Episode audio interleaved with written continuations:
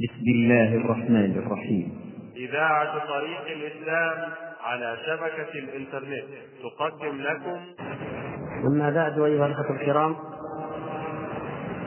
فما زلنا نستعرض معا ما ذكره الشيخ العلامة محمد بن إبراهيم آل الشيخ رحمه الله من أنواع وأقسام الحكم بغير ما أنزل الله. كما تعلمون أننا قد ذكرنا أن النوع الأول كما ذكر الشيخ النوع الأول وهو الكفر الأكبر المخرج من الملة. وهذا ستة أقسام. هذا النوع الأول أو القسم الأول ستة أنواع. كلها كفر أكبر مخرج من الملة. وقد ذكر الشيخ الأول منها وهو جحد ما أنزل الله. الكفر بما أنزل الله. أساسا. هذا معلوم أن فاعله ومعتقده. كافر كفرا أكبر. والثاني أن لا يجحد الحكم بغير ما أنزل الله ولكن يفضل غيره عليه. والثالث أن لا يفضله لكن يجعله مساويا له. والرابع أنه لا يجعل حكم غير الله مساويا له ولكن يجيز الحكم لغير ما أنزل الله. يعني هذا باختصار درجات هؤلاء الناس. هذه الأربعة. والآن نشرع إن شاء الله في النوع أو في القسم الخامس. يقول الخامس وهو أعظمها. أعظمها. وأشملها. وأظهرها معاندة للشرع. ومكابرة لأحكامه ومشاقة لله ولرسوله صلى الله عليه وسلم ومضاهاة بالمحاكم الشرعية إعدادا وإمدادا وإرصادا وتأصيلا وتشريعا وتشكيلا وتنويعا وحكما وإلزاما ومراجع ومستندات. فكما أن للمحاكم الشرعية مراجع مستمدات مرجعها كلها. إلى كتاب الله وسنة رسوله صلى الله عليه وسلم فلهذه المحاكم مراجع هي القانون الملفق من شرائع شتى وقوانين كثيرة كالقانون الفرنسي والقانون الأمريكي والقانون البريطاني وغيرها من القوانين ومن مذاهب بعض البدعيين المنتسبين إلى الشريعة وغير ذلك. هذا النوع الخامس الذي يقول الشيخ إنه أعظمها وأشملها وأظهرها معامله للشرع ومكابرة لأحكامه إلى آخر كلامه، لماذا؟ لأن الأنواع الأولى قد تفعل على سبيل الاعتقاد أو فرديا. فرد يعتقد أن الحكم بغير ما أنزل الله جائز يعتقد ذلك في نفسه فهذا يكفر في نفسه. لكن هذا النوع أعظم وأشد ضررا وخطرا لأنه عام للأمة وهو أن يأتي أحد فيفتح المحاكم غير الشرعية ويقيمها في البلاد طولا وعرضا ويجعل لها انواعا وتشريعات ومراجع واستمدادات وإلى آخر ما ذكر الشيخ رحمه الله ويلزم الناس بالتحاكم إليها والرجوع إليها عند التنازع وألا يرجعوا إلى سواها هذا أكبر وأعظم وأشد في في جحد ما أنزل الله تبارك وتعالى وإنكاره وعدم الإقرار به وإن قالوا بألسنتهم إنا نقر به فما الفائدة؟ فهذا هو المقصود في هذه الحالة، المقصود أمر واقعي عملي تلزم به الأمة وتجبر عليه ولا تجد بدا منه. ففي ذلك كما ذكر الشيخ معاندة للشرع بأن يفرض حكم غير حكم الله تبارك وتعالى على الناس وفيه مكابرة لأحكامه ومشاقة لله ولرسوله صلى الله عليه وسلم بأن يتخذ شرع غير ما أنزل شرعا وأن يتخذ سبيل غير سبيل المؤمنين ومضاهاة بالمحاكم الشرعية. نعم هذه أيضا من علامات أنه كفر أكبر ومن دلائل ذلك أن في هذه المحاكم في بنائها وفتحها وتشريعها مضاهاة بالمحاكم الشرعية التي لا يجوز أن ينتشر غيرها فهي التي تنتشر في البلاد في القرى وفي المدن ويكون لها الفروع ولها السجلات ولها المراجع ولها المصادر وكل شيء. أما أن يكون ذلك لأحكام لمحاكم أخرى ولأحكام أخرى فهذا فيه مضاهاة لشرع الله والمحاكم الشرعية فتحكم بما أنزل الله. إعدادا وإمدادا وإرصادا وتأصيلا وتفريعا وتشكيلا وتنويعا وحكما وإلزاما ومراجع ومستندات. يعني انظروا كيف دليل على أن الشيخ رحمه الله لديه خبرة ومعرفة جيدة بواقع المحاكم القانونية. فإنها كما ذكر وضعت ورتبت كما لو كانت محاكم شرعية من حيث المراجع والمصادر والإمداد والسجلات والأنواع. وهذا شيء عجيب جدا. فتجدون في أكثر بلاد العالم الاسلامي في معظمها في الكثرة الكافرة منها تجد هذه المحاكم. محاكم ابتدائية كما يسمونها ثم محاكم النقض أو المحاكم الاستئنافية التي تستأنف عندها الأحكام وتنقض أحكام المحاكم التي دونها. وهناك فوق ذلك أيضا المحكمة العليا أو المحكمة الدستورية. أو المجلس الأعلى للقضاء طبعا القضاء غير الشرعي. أو يعني مهما كانت الأسماء. هناك محاكم إدارية ومحاكم تجارية ومحاكم مدنية محاكم جزائية ومحاكم عمالية.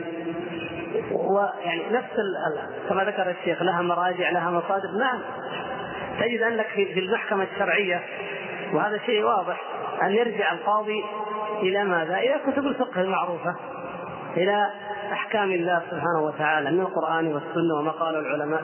أما أولئك فإنهم يرجعون إلى أصول القوانين التي استمدت منها القوانين. فتجد أنه يقول قد رجعنا إلى ما قاله الفقيه فلان. يسمون أصحابهم فقهاء؟ أيضا وما قاله القانوني فلان وفلان فرجعنا إلى أصل هذه المادة في القانون الفرنسي. فوجدنا فيها كذا ثم وجدنا كذا. وبناء عليه حكمنا بكذا. فيرجعون رجوعا صريحا واضحا إلى ذلك. بل إن الأمر تجاوز هذا وهو امتداد طبيعي له في الحقيقة ان أن المنكر دائما المنكر والمعصية دائما إذا استمرئت فإنها تنتشر وتمتد. فأول ما وجدت محاكم وانشات محاكم لكن تلا ذلك إنشاء القوانين الكليات القانونية وبدأت بفروع بأقسام صغيرة ثم في النهاية أصبحت قوانين كليات مستقلة للقوانين من الدراسات ما بعد الثانوية إلى الدكتوراه. فلذلك الطالب يدرسها ولها أساتذة متخصصون ولها يعني مراجع ولها استمدادات ولها كذا. ثم بعد ذلك يتخرج الطالب من الكلية التي يسمونها كلية الحقوق أو كلية القانون ويتعين في درجة دنيا من درجات السلم القضائي ثم يترفع ويترقى حتى يصبح في المحكمة العليا أو رئيسا للمحكمة العليا المنصب الأعلى في تلك البلاد التي تحكم بغير ما أنزل الله. نسأل الله العفو والعافية. هذا فيه مثل ما ذكر الشيخ فيه مكابرة ومعاندة ومشاقة ومضاهاة لحكم الله والمحاكم الشرعية. فكما أن للمحاكم الشرعية مراجع ومستمدات مرجعها كلها إلى كتاب الله وسنة رسوله صلى الله عليه وسلم وهذا واضح. فلهذه المحاكم مراجع أيضا. نعم هي القانون الملفق من شرائع شتى وقوانين كثيرة كالقانون الفرنسي والقانون الأمريكي والقانون البريطاني. وقد سبق بينا للإخوة الكرام أن أكثر القوانين في العالم العربي وغيره عالم الدول الإسلامية وبغيرها تستمد من القانون الفرنسي وأشباهه. لماذا؟ لأنها قوانين تعتمد على التقنين تقوم هذه القوانين تقوم على التقنين فكل شيء يضعون له أو كل حكم كل جانب مثلا الجانب المدني، الجانب التجاري، الجانب الجزائي، الجانب المالي أو إلى آخره. يضعون له مواد مقننة ثم تفرض على الناس. فيتحاكمون إليها ويرجعون إليها المادة كذا إلى المادة كذا أو المادة كذا إلى يعني التقنين يسمونه التقنين وهو ماذا؟ التشريع المكتوب الذي يفصل في مواد قانونية. أما القانون الأمريكي أو الإنجليزي والأمريكان تبع الإنجليز في هذا فهو لا يقوم على الكتابة القانونية المفصلة يعني الشرع عندهم والحكم عندهم يعتمد على نظام إيه؟ السوابق العرف القضائي. يعني ما تعارفت عليه المحكمة. فلذلك إذا جاءت قضية إذا جاءت قضية ينظرون هل سبق أن حكمت المحكمة ولو قبل 30 سنة أو 40 أو أكثر في مثل هذه القضية فإن وجدوا لها سابقة حكموا مثل ما حكم من قبلهم. إن لم يجدوا لهم نظام معين يجتمعون ويقررون ثم يصبح هذا الحكم سابقة ويبنى عليها ويقاس عليها في المستقبل. ولذلك أكثر القوانين في الدول العربية هي في الحقيقة مأخوذة من القانون الفرنسي وما ومن ومن نحى نحوه كالقانون آه، السويسري أو القانون النمساوي وأشباهه. أما القانون الأمريكي والإنجليزي فغالبا ليس ليست قوانين حتى في أمريكا غالبا الآن ليس المعمول به قوانين عبارة عن مواد وإنما هو أعراف واوامر أو قرارات يتلو بعضها بعضا في في أكثر الولايات وفي أكثر الأنظمة وهناك أنظمة يعني مأخوذ منها فيها فيها شيء من التقنين أو التشريع كما يسمونه. يقول ومن مذاهب بعض البدعيين المنتسبين إلى الشريعة وغير ذلك، أيضا قد يخلطون يخلطون مع القوانين الوضعية الأخذ من مذاهب بعض البدعيين المنتسبين إلى الشريعة. قد ينتسب يعني بعض الناس قد ينتسب إلى الشريعة ويأتي ببدع في الأحكام. وهذا مع الأسف هو النموذج الذي يراد له الآن أن يظهر وأن ينتشر في العالم الإسلامي مثل بدعة الإسلام العصري. هذه البدعة الخطيرة أن الإسلام يغير لمصلحة العصر أو يضفى عليه ثوب العصر أو يطور ليلائم العصر أو ما أشبه ذلك من العبارات. هذه الدعوة الخبيثة لا تنكر نفس النص القرآن. يعني القرآن كما هو الحروف كما هي مكتوبة لكنها تفقده قيمته تفقده معناه بما تحوره ليوافق كما يزعمون روح العصر والحياة والحضارة الحالية الآن. فهم ليسوا لا يدعون وليسوا دعاة بالضرورة إلى تحكيم القوانين الوضعية مباشرة لكن يقولون الفتوى تتغير بتغير الأحوال والأزمة. الحدود يمكن أن توقف في بعض الأحيان. بعض الأمور لابد من تعديلها وإعادة النظر فيها. بعض القضايا لابد أن نرجع فيها إلى أقوال معينة ولا نلتزم بأقوال. حتى قالوا لو وجدنا في بعض ما يوافق العصر لو وجدنا ذلك في أحد الأقوال للزيدية الهادوية أو للجعفرية الروافض مثلا أو يعني في أي مذهب نأخذ به أو الظاهرية مثلا. لكن عندما نلتزم بأننا نقول نأخذ برأي الجمهور أو بالمجمع عليه ونترك ما شد عن هذا الإجماع مثلا يقول هذا قد يكون فيه تضييق. ربما يكون الإجماع قائم على شيء لا يوافق العصر ولا يتماشى مع روح الحياة الحديثة. ويكون القول الشاذ أو المرجوح أو الذي قالت به إحدى الطوائف أو أحد المجتهدين في عصور التاريخ الطويلة يمكن أن يكون هو الأفضل. مثل ما يأخذون عن الصوفي فالطوفي هذا غريب جدا لأنه كما قال هي أشعري حنبلي وكذا رافضي هذه إحدى يعني هذا الطوفي حنبلي من الحنابلة وفي نفس الوقت كان في أشعريا وكان يترفض يتشيع كيف كيف تجتمع؟ فكان مما أحدثه هذا الصوفي وهي سابقة لا نظير لها في في تاريخ الفقه الإسلامي والفكر الإسلامي. القول بأن المصلحة تقدم على النص. نحن نعلم جميعا أنه ما خالف النص فهو مفسده لكن هو يقول إذا كان هناك مصلحة نقدمها على الدليل الشرعي. فجاء المعاصرون والعصريون وفرحوا بهذا وجعلوا منه قاعدة. بل أصول فقه عظيمة طويلة عريضة. تقوم على ماذا؟ على أن المصلحة في نظرهم الذي يرونه هم أنه مصلحة يجوز أننا نخالف النص باعتبارها باعتبار هذه المصلحة وهكذا فهؤلاء البدعيون المنتسبون إلى الشريعة يحسن ويحلو للقانونيين أن يأخذوا منهم لأنهم في الحقيقة لا يفترقون كثيرا عن أصحاب القوانين الوضعية المقصود واحد من الجميع وهو الذي ذكره الله تبارك وتعالى في الأصل عن المنافقين. إن أردنا إلا إحسانا وتوفيقا. فهم يريدون أن يوفقوا بين هذا الدين وبين لوازم الحياة أو متطلبات الحياة الحديثة. فيبقى الدين نصوص مكتوبة يقرأها الناس يتعبدون بها يتبركون بها ما في مانع.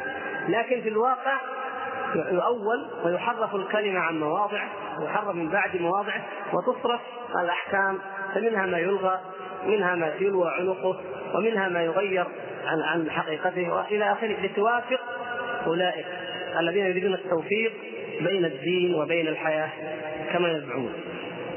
يقول الشيخ رحمه الله فهذه المحاكم الآن هذا في في زمنه رحمه الله وقد توفي عام 1389 هجريا قال فهذه المحاكم الآن في كثير من أمصار الإسلام مهيئة مكملة. فالرسالة كتب يعني ألفها رحمه الله عام 1380 يقول هذه المحاكم الآن في كثير من أمصار الإسلام مهيئة مكملة مفتوحة الأبواب والناس إليها أسراب إثر أسراب. ما يجدون مكانا يتحاكمون فيه إلا هذه المحاكم بمختلف أسمائها وأنواعها وأشكالها. يقول يحكم حكامها بينهم بما يخالف حكم السنة والكتاب من أحكام ذلك القانون وتلزمهم به إلزام السلطة التنفيذية. الدولة مجلس الوزراء وما يتعلق إلى آخره السلطة التنفيذية تلزم الناس بأحكام هذه المحاكم وتقرهم عليه وتحكمه عليهم. فأي كفر فوق هذا الكفر؟ وأي مناقضة للشهادة بأن محمدا رسول الله بعد هذه المناقضة؟ أي كفر فوق هذا الكفر؟ وإن زعم أصحابه أنهم مسلمون. وإن صلوا وصاموا وحجوا البيت ولكنهم يتحاكمون إلى هذه القوانين ويلزمون بها ويحتمونها على الأمة ويعرضون عن كتاب الله وسنة رسوله صلى الله عليه وسلم ويجعلونها وراء ظهورهم. هل هناك كفر أكبر من هذا؟ كما يقول الشيخ رحمه الله لا كفر أشد من هذا. حتى وإن قال هذا كلام الله وهذا كتاب الله وهو خير وهو طيب وهو حق ولكنه ألقاه وراء ظهره ويتحاكم ويلزم ويحاكم ويلزم الناس بهذه القوانين الموثقة. هذا لا يمكن أن يكون ابدا مؤمنا. إلا كما لو كان هذا مثاله في الجانب الآخر مثل الذي يقول إن محمدا صلى الله عليه وسلم صادق وإنه رسول وإنه كذا كما كان يقول ذلك أحبار أهل الكتاب لكن لا يؤمنون به ولا يتبعونه ولا يطبقون سنته ولا شيء هل هؤلاء مسلمون؟ هل يعدون مسلمون مثل المسلمين؟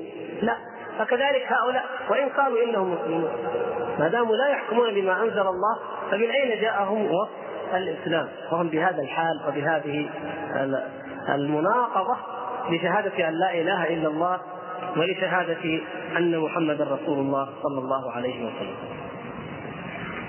يقول الشيخ وذكر أدلة جميع ما قدمنا على وجه البسط معلومة معروفة لا يحتمل ذكر هذا الموضع. الأدلة على أن هذا كفر أكبر مخرج من الملة معلومة معروفة. وقد آه، سبق ذكر بعضها والحمد لله. يقول فيا معشر العقلاء ويا جماعات الأذكياء وأولي النهى كيف ترضون أن تجري عليكم أحكام أمثالكم وأفكار أشباهكم أو من هم دونكم؟ ممن يجوز عليهم الخطأ بل خطأهم أكثر من صوابهم بكثير بل لا صواب في حكمهم إلا ما هو مستمد من حكم الله ورسوله نصا أو استنباطا. وهذا هو الواقع. كيف؟ نعم كيف يرضى الناس أن يؤلهوا هؤلاء؟ بشر مثلهم أو أقل منهم. ولا خير في أحكامهم ولا صواب فيها لو لو عرضت واحدا واحدا إلا ما كان منها موافقا للكتاب والسنة. إما عمدا أو بطريق العرض خطا موافقة دون أن يقصدوا ذلك. يقول فدعونهم يحكمون أو يحكمون في أنفسكم ودمائكم وأبشاركم وأعراضكم وفي أهاليكم من أزواجكم وذراريكم وفي أموالكم وسائر حقوقكم ويتركون ويرفضون أن يحكموا فيكم بحكم الله ورسوله الذي لا يتطرق إليه الخطأ ولا يأتيه الباطل من بين يديه ولا من خلفه تنزيل من حكيم حميد كيف يعني يقول كيف ترضون ذلك؟ كيف ترضون أن يحكم فيكم بهذا وأن يعرضوا عن كتاب الله سبحانه وتعالى؟ هنا يخاطب الشيخ رحمه الله العلماء والعقلاء والأمة عامة التي فرضت عليها هذه الأحكام. كيف ترضى بها؟ ولو أن الناس أنكروا لغيرت هذه المحاكم وهذه الأحكام لكنهم استمرؤوا ذلك وسكتوا واخلدوا إليه وأصبحوا يرونه كأنه أمر عادي. وكيف؟ كيف تقبلون ذلك وأنتم مسلمون مؤمنون وأنتم عقلاء؟ كيف ترضون أن تحكم تحكم هذه القوانين الوضعية في أموالكم ودمائكم وأعراضكم وحقوقكم جميعا وأهليكم وذراريكم كيف يكون ذلك؟ ولهذا يا إخوان عندما كان بعض العلماء أو بعض من تأثر بدعوة الشيخ محمد بن عبد الوهاب رحمه الله التي هذا الشيخ محمد بن إبراهيم حفيدها كما تعلمون لما تأثر بعض البلاد تأثرت وبعض الدعاة بهذه الدعوة بهذه الحركة واعلنوا ضرورة التحاكم والحكم بما أنزل الله سبحانه وتعالى وأن يكون التحاكم إلى شرع الله وحده قامت القائمة عليهم في كل البلاد وحوربوا وخاصة من قبل اليهود والنصارى. الذين يعلمون أن في تحاكم الأمة إلى قوانينهم تبعية لهم. فلا لا شك أن أي أمة تحكم بقانون أمة أخرى أنها تابعة لها. في أعرافها وأوضاعها وأحوالها وفي سائر أمورها. ما في ذلك شك.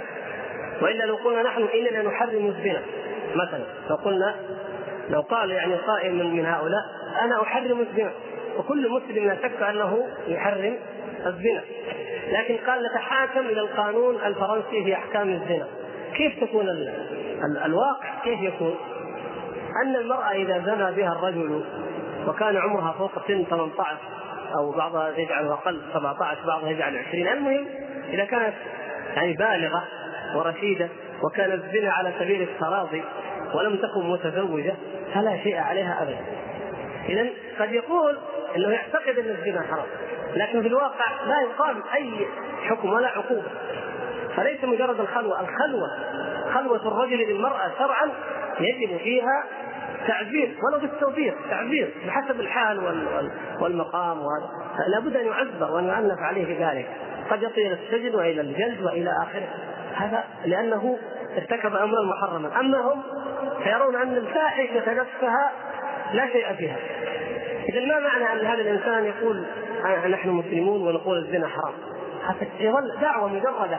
ما دام أن الواقع هو ان هذا الزنا مقر بحكم القانون. اذا من يقول نحتكم إلى هذه القوانين ويقول إنه مسلم يقول الشيخ كيف ترضون ذلك يا مسلمون كيف ترضون؟ فلذلك الكفار علموا أن من يقر قوانينهم ومن يأخذها فإنه تابع لهم. اذا الأمة التي تربت على هذا القانون ستصبح في النهاية أمة إباحية كالأمة الفرنسية نفسها لأنها تحتكم إلى نفس القانون الذي تحتكم إليه الأمة الفرنسية أو غيرها من الأمم وهكذا. ولذلك أعداء الله سبحانه وتعالى حريصون أشد الحرص على الوقوف في وجه كل داعية يدعو الناس في أي بلد من البلاد إلى الاحتكام الكامل والكلي إلى كتاب الله وإلى سنة رسوله صلى الله عليه وسلم. لأن ذلك يخالف تمام المخالفة ما يريدونهم من نشر الفاحشة والرذيلة وابقاء التبعية وفرض العبودية على هذه الأمة لتظل تعيش في ركاب الأمم النصرانية الغربية. هذا يعني الشيخ رحمه الله محمد إبراهيم يستفيد ويستنفر الهمم لتقف في وجه هذا التيار الخبيث الذي يريد أن يجعل هذه الأمة تابعا ذليلا لتلك الأمم في هذا الكفر في هذا الشرك الأكبر والعياذ بالله. يقول وخضوع الناس ورضوخهم لحكم ربهم خضوع ورضوخ لحكم من خلقهم تعالى ليعبدوه. فكما لا يسجد الخلق إلا لله ولا يعبدون إلا إياه ولا يعبدون المخلوق فكذلك يجب أن لا يرفقوا ولا يخضعوا أو ينقادوا إلا لحكم الحكيم العليم الحميد الرؤوف الرحيم دون حكم المخلوق الظلوم الجهول الذي أهلكته الشكوك والشهوات والشبهات. إلى آخره. نعم. يقول الشيخ معنى أنكم مؤمنون وأنكم تعبدون الله وأنكم مسلمون أن ترضخوا باحكام الله سبحانه وتعالى وأن تنقادوا لها وحدها بحكم الله سبحانه وتعالى. وإلا فكيف تقولون لا نعبد إلا إياه ولا نسجد إلا له ثم تتحاكمون إلى غير شرعه هذا لا يمكن. وهذا هو الشرك. والله سبحانه وتعالى ذكر ذلك في القرآن كما تعلمون. فإن مما ذكره الله سبحانه وتعالى من آه، صفات أهل الكتاب الذين أوجب الله تبارك وتعالى على المؤمنين جهادهم وضرب الجزية عليهم حتى يعطوا الجزية عن يد وهم صاغرون أنهم اتخذوا أحبارهم ورهبانهم أربابا من دون الله. لاحظوا الذين اتخذوا الأحبار والرهبان أربابا من دون الله. أو الذين اتخذوا الشرائع المنسوخة قوانين يحتكمون إليها. أيهم أشد؟ هؤلاء أم الذين اتخذوا الشرائع والقوانين الوضعية الذين يتخذون الشرائع المنسوخة لو جاء إنسان الآن وقال نحن نريد أن نتحاكم إلى التوراة نقيم أحكام التوراة في بلد ما من بلاد المسلمين هل يقر على ذلك؟ بماذا يحكم عليه؟ مبتدع ولا فاسق ولا يقال مرتد كافر؟ هذا مرتد كافر لماذا؟ لأنه يريد أن يحكم بشريعة منسوخة. والله سبحانه وتعالى قد نسخها وقد أنزل هذا الكتاب الحكيم مهيمنا عليها. وناسخا لما لا لها جميعا. طيب هذا الذي يريد التحاكم إلى التوراة. التوراة أولا هي كتاب وأنزل من عند الله. وفيها ما لم يحرف كما نعلم منها ما حرف لكن أيضا نعلم أن فيها ما لم يحرف. وخاصة في الأحكام. يعني تحريف اليهود والنصارى أكثر ما جاء في جانب العقائد. أما الأحكام فالتحريف فيها أقل. يعني الربا عندهم حرام. لكن كما ذكرنا اليهود حرفوه قالوا لا ترابي في مال أخيك. أما عند النصارى الربا حرام. الغش حرام عند اليهود والنصارى. ما في شك في ذلك. البيوع أيضا الغرض مثلا وما أشبه ذلك كلها تدخل في أنواع البيع المحرم. حتى عند اليهود وحتى عند النصارى. الفواحش ما ظهر منها وما بطن هذه محرمة من الزنا أو اللواط أو ما أشبه ذلك محرمة بحكم التوراة أيضا. فاذا حكم التوراة أن نحكم بين المسلمين بشريعة التوراة بشريعة اليهود أخف ضررا من أن يكون الحكم إلى شرائع وضعية وضعها بشر من عند أنفسهم فراعنة. مثل نابليون وأمثاله فهم لا يرون أن الفواحش فواحش ولا يرون أن الربا ربا ولا يرون أن البيوع المحرمة حرام ولا شيء من ذلك.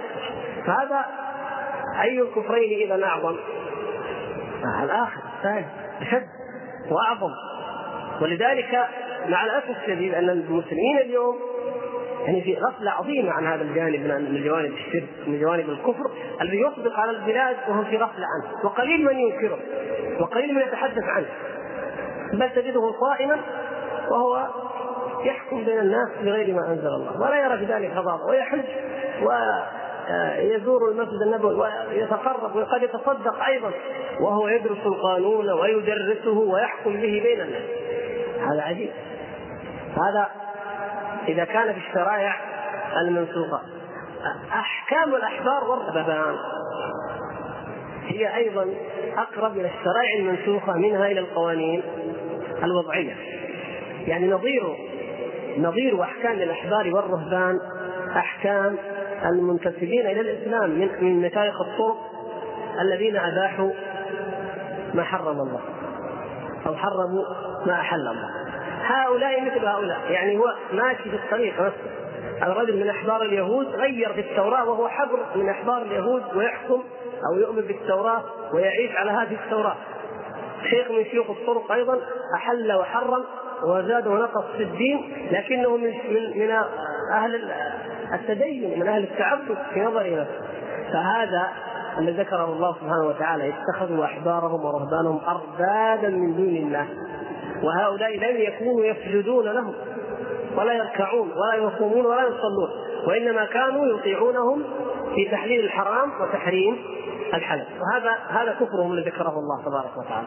أشد منهم كفرا اذا الذي يتبع أقواما لا صلة لهم بالدين ليس لهم أي صفة دينية وإنما هم علمانيون لا دينيون ملحدون كحال المشرعين الغربيين اليوم. فمن يتحاكم إليهم فهو أشد كفرا وأشد عبودية لغير الله من ذلك الذي تحاكم من الأحبار والرهبان.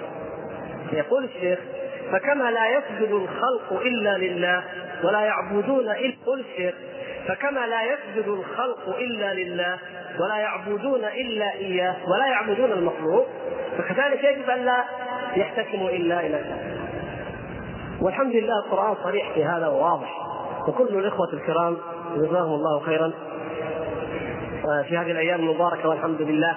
ونحن نسمع آيات الله ونقرأها. نجد هذا في القرآن ظاهرا. لو أن الناس يتدبروه الله تبارك وتعالى مثلا في سورة الأنعام. وهي التي ذكر فيها التشريعات وذكر فيها ضروره الحكم ما أنزل الله وسوره التوحيد العظمى الكبرى في القرآن سورة الأنعام. قل أغير الله أتخذ وليا. فاطر السماوات والأرض وهو يطعم ولا يطعم. قل إني أمرت أن أكون أول من أسلم ولا تكونن من المشركين. هذا في الأول في أول السورة. إذا نفهم من هذه الآية أن الشرك وأن من الشرك أن يتخذ الإنسان وليا من دون الله يخافه ويدعوه ويرجوه ويتقيه كما يفعل عباد الأولياء وعباد الصالحين وعباد الموتى إلى آخره. هذا نوع من أنواع الشرك وهذا واضح ولا نقاش فيه. وقال أيضا في آخر السورة قل أغير الله أبغي ربا وهو رب كل شيء. الله تعالى رب كل شيء. اذا كيف يكون الله تبارك وتعالى رب كل شيء ويسجد له وله يسجد ما في السماوات والأرض طوعا وكرها وإن من شيء إلا يسبح بحمده ولكن لا تفقهون تسبيحهم ويأتي هذا الإنسان المخلوق الضعيف فلا يتخذه ربا وإنما يتخذ غيره من الأرباب إما الأصنام وإما الطواغيت البشر كفرعون وأمثاله إلى غير ذلك هذا أيضا نوع معروف ومعلوم أن من فعل فإنه كافر وقال غير ذلك قال في وسط السورة أفغير الله أبتغي حكما وهو الذي أنزل إليكم الكتاب مفصلا. وقال في الآية التي بعدها وتمت كلمة ربك صدقا وعدلا لا مبدل لكلماته وهو السميع العليم. وإن تطع أكثر من في الأرض يضلوك عن سبيل الله. اذا كما أن لا نتخذ غير الله إلها ووليا ولا ربا خالقا رازقا فكذلك كيف أتخذ غير الله حكما؟ وهو الذي أنزل هذا الكتاب وهو كتاب مفصل تمت كلمته صدقا في الأخبار وعدلا في الأحكام. وكيف نطيع الناس ونطيع البشر في مخالفة أمر الله؟ وإن كفروا وإن تطع أكثر من في الأرض يضلوك عن سبيل الله. وقال بعد وإن أطعتموهم إنكم لمشركون. إذا كيف؟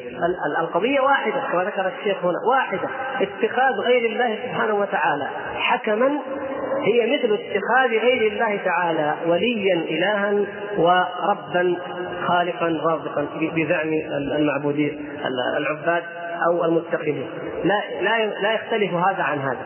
اذا لماذا ينكر المسلمون أو يعني يستطيعون ويستبشعون أن يعبد غير الله وأن يصلى ويسجد له. وفي نفس الوقت لا يستبشعون ويستطيعون أن يتحاكم إلى غير الله وأن يتخذ غير الله تعالى حكما وأن يلقى كتاب الله ظهريا وتؤتى بقوانين البشر المتألهين المتسلطين وتحكم في الدماء والأموال والأعراض والرقاب والأرشاد. هذا ما يريد الشيخ رحمه الله تعالى أن يقول وقد سبق الإشارة إلى كثرة الأدلة في ذلك والحمد لله.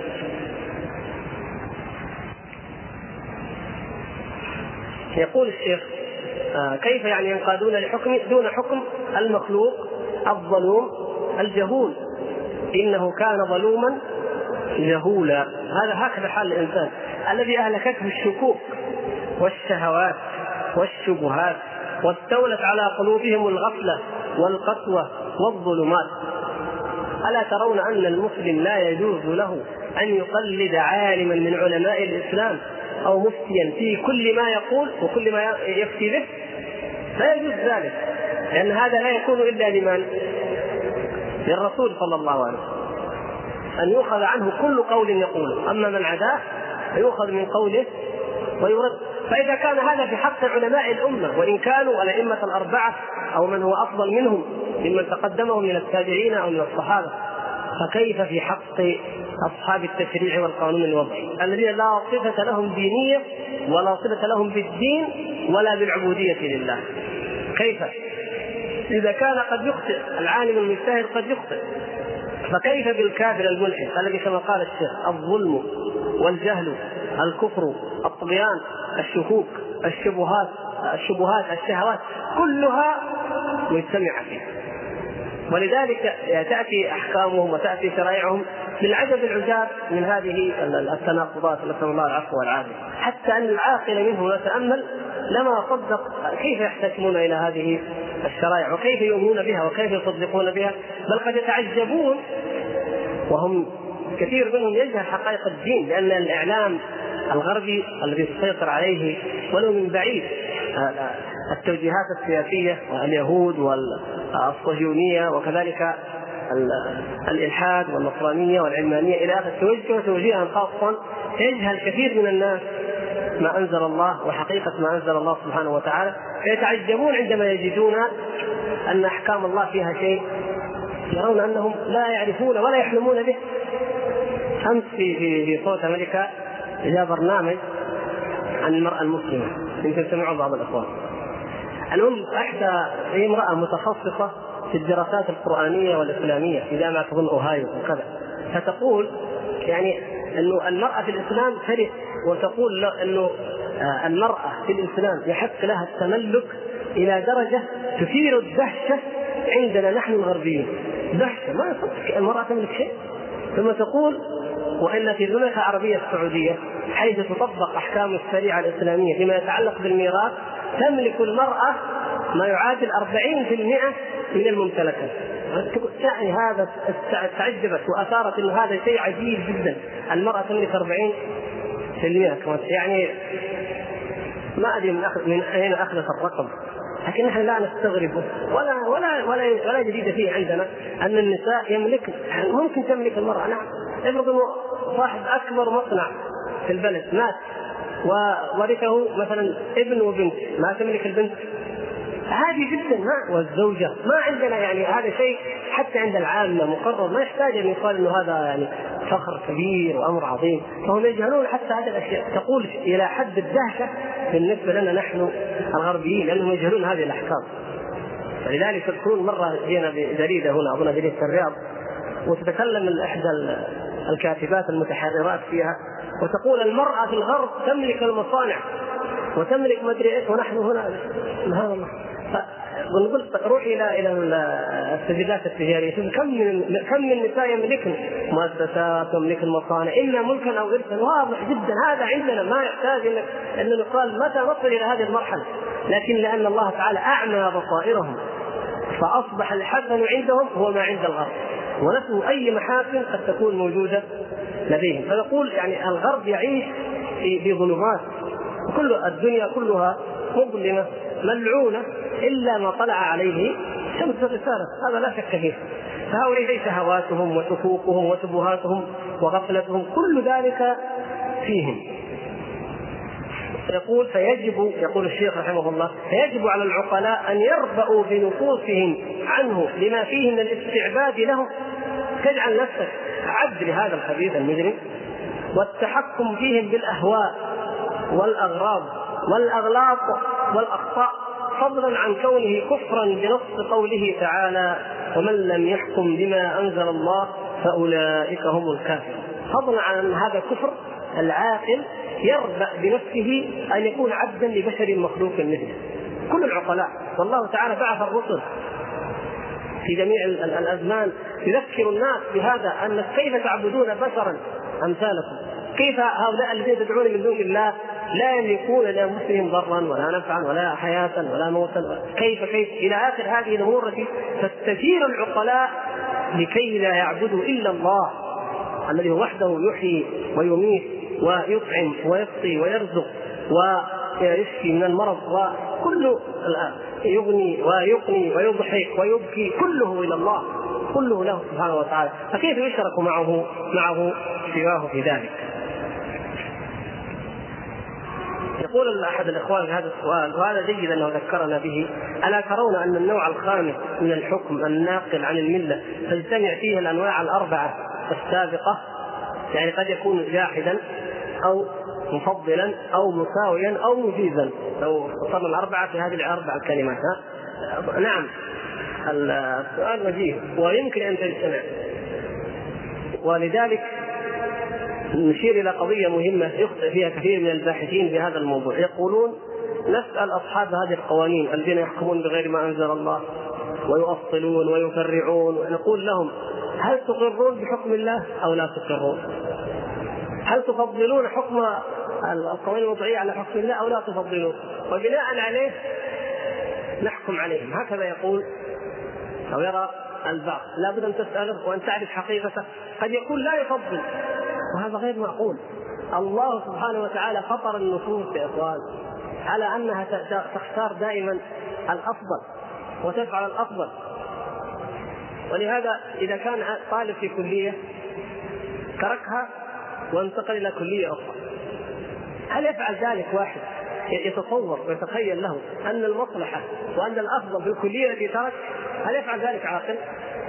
فأنت ما يحتاج تقول هل أنت تفضل الكلية هذه على هذه ولا إنما ماذا تسأله إذا لقيته؟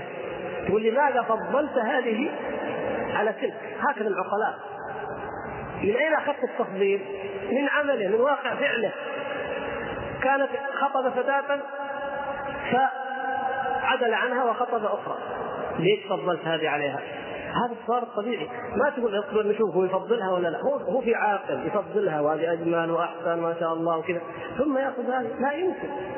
فلذلك هؤلاء القوم إن كنا نريد منهم إقرارات لفظية لا قيمة لها كإقرار اليهود والنصارى كالأحبار الذين جاءوا إلى النبي صلى الله عليه وسلم وسألوه قالوا نشهد إنك نبي. هكذا ولكن لم يتبعوه في شيء ولم يؤمنوا به ممكن. تجد حتى لمن يحكم بهذه القوانين ومن الدستوريين الكبار. من يقول إن أحكام الشريعة الإسلامية عظيمة ورائعة ومفيدة وحققت الحضارة والخير وكذا يقال هذا كما يقول اليهود بالنبي صلى الله عليه وسلم. هذا لا يؤثر ابدا في كونهم خارجون عن الملة والعياذ بالله. مجرد هذا الكلام لا يؤثر. لأنهم في الحقيقة مفضلون. أما المؤمن الذي آمن على الحقيقة وفضل حكم الله على الحقيقة فإنه يتخلى كلية عن الحكم بغير ما أنزل الله. يبقى مسائل أخرى ما هي موضوعنا الآن؟ مثلا المجبور أو المكره أن يحكم أو يتحاكم أو كذا. هذا لا نتكلم في الآن في, الاستثناءات إنما نتكلم من حيث الأصل الأصل العام والقاعدة العامة. أن إنسان جاء قال لابد من تطوير المحاكم. وجاب فتح محاكم جديدة أكثر وتوسع في الدراسات القانونية أكثر وحط وظائف وحط نظام وسوى كل شيء. ونقول خلونا نسال ونشوف هو يفضل حكم الله ولا حكم القلم هذا يقوله العقلاء ويفعل العقلاء لا يمكن. وهذا في الحقيقة لا يقوله مثل هذه الشبهة الضعيفة لا يقولها إلا من لم يعرف ولم يدرك حقيقة الإيمان كما هي في مذهب أهل السنة والجماعة كما تقدم معنا. الإيمان عند أهل السنة الجماعة قول وعمل.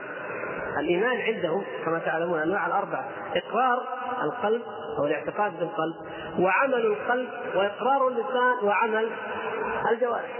فإذا إذا ظن واحد أنه بإقرار القلب وحده أو بإقرار اللسان وإقرار القلب يكون الدخول في الإيمان دون عمل القلب وعمل الجوارح هذا لا ليس من أهل السنة والجماعة ولا يعرف مذهب أهل السنة والجماعة.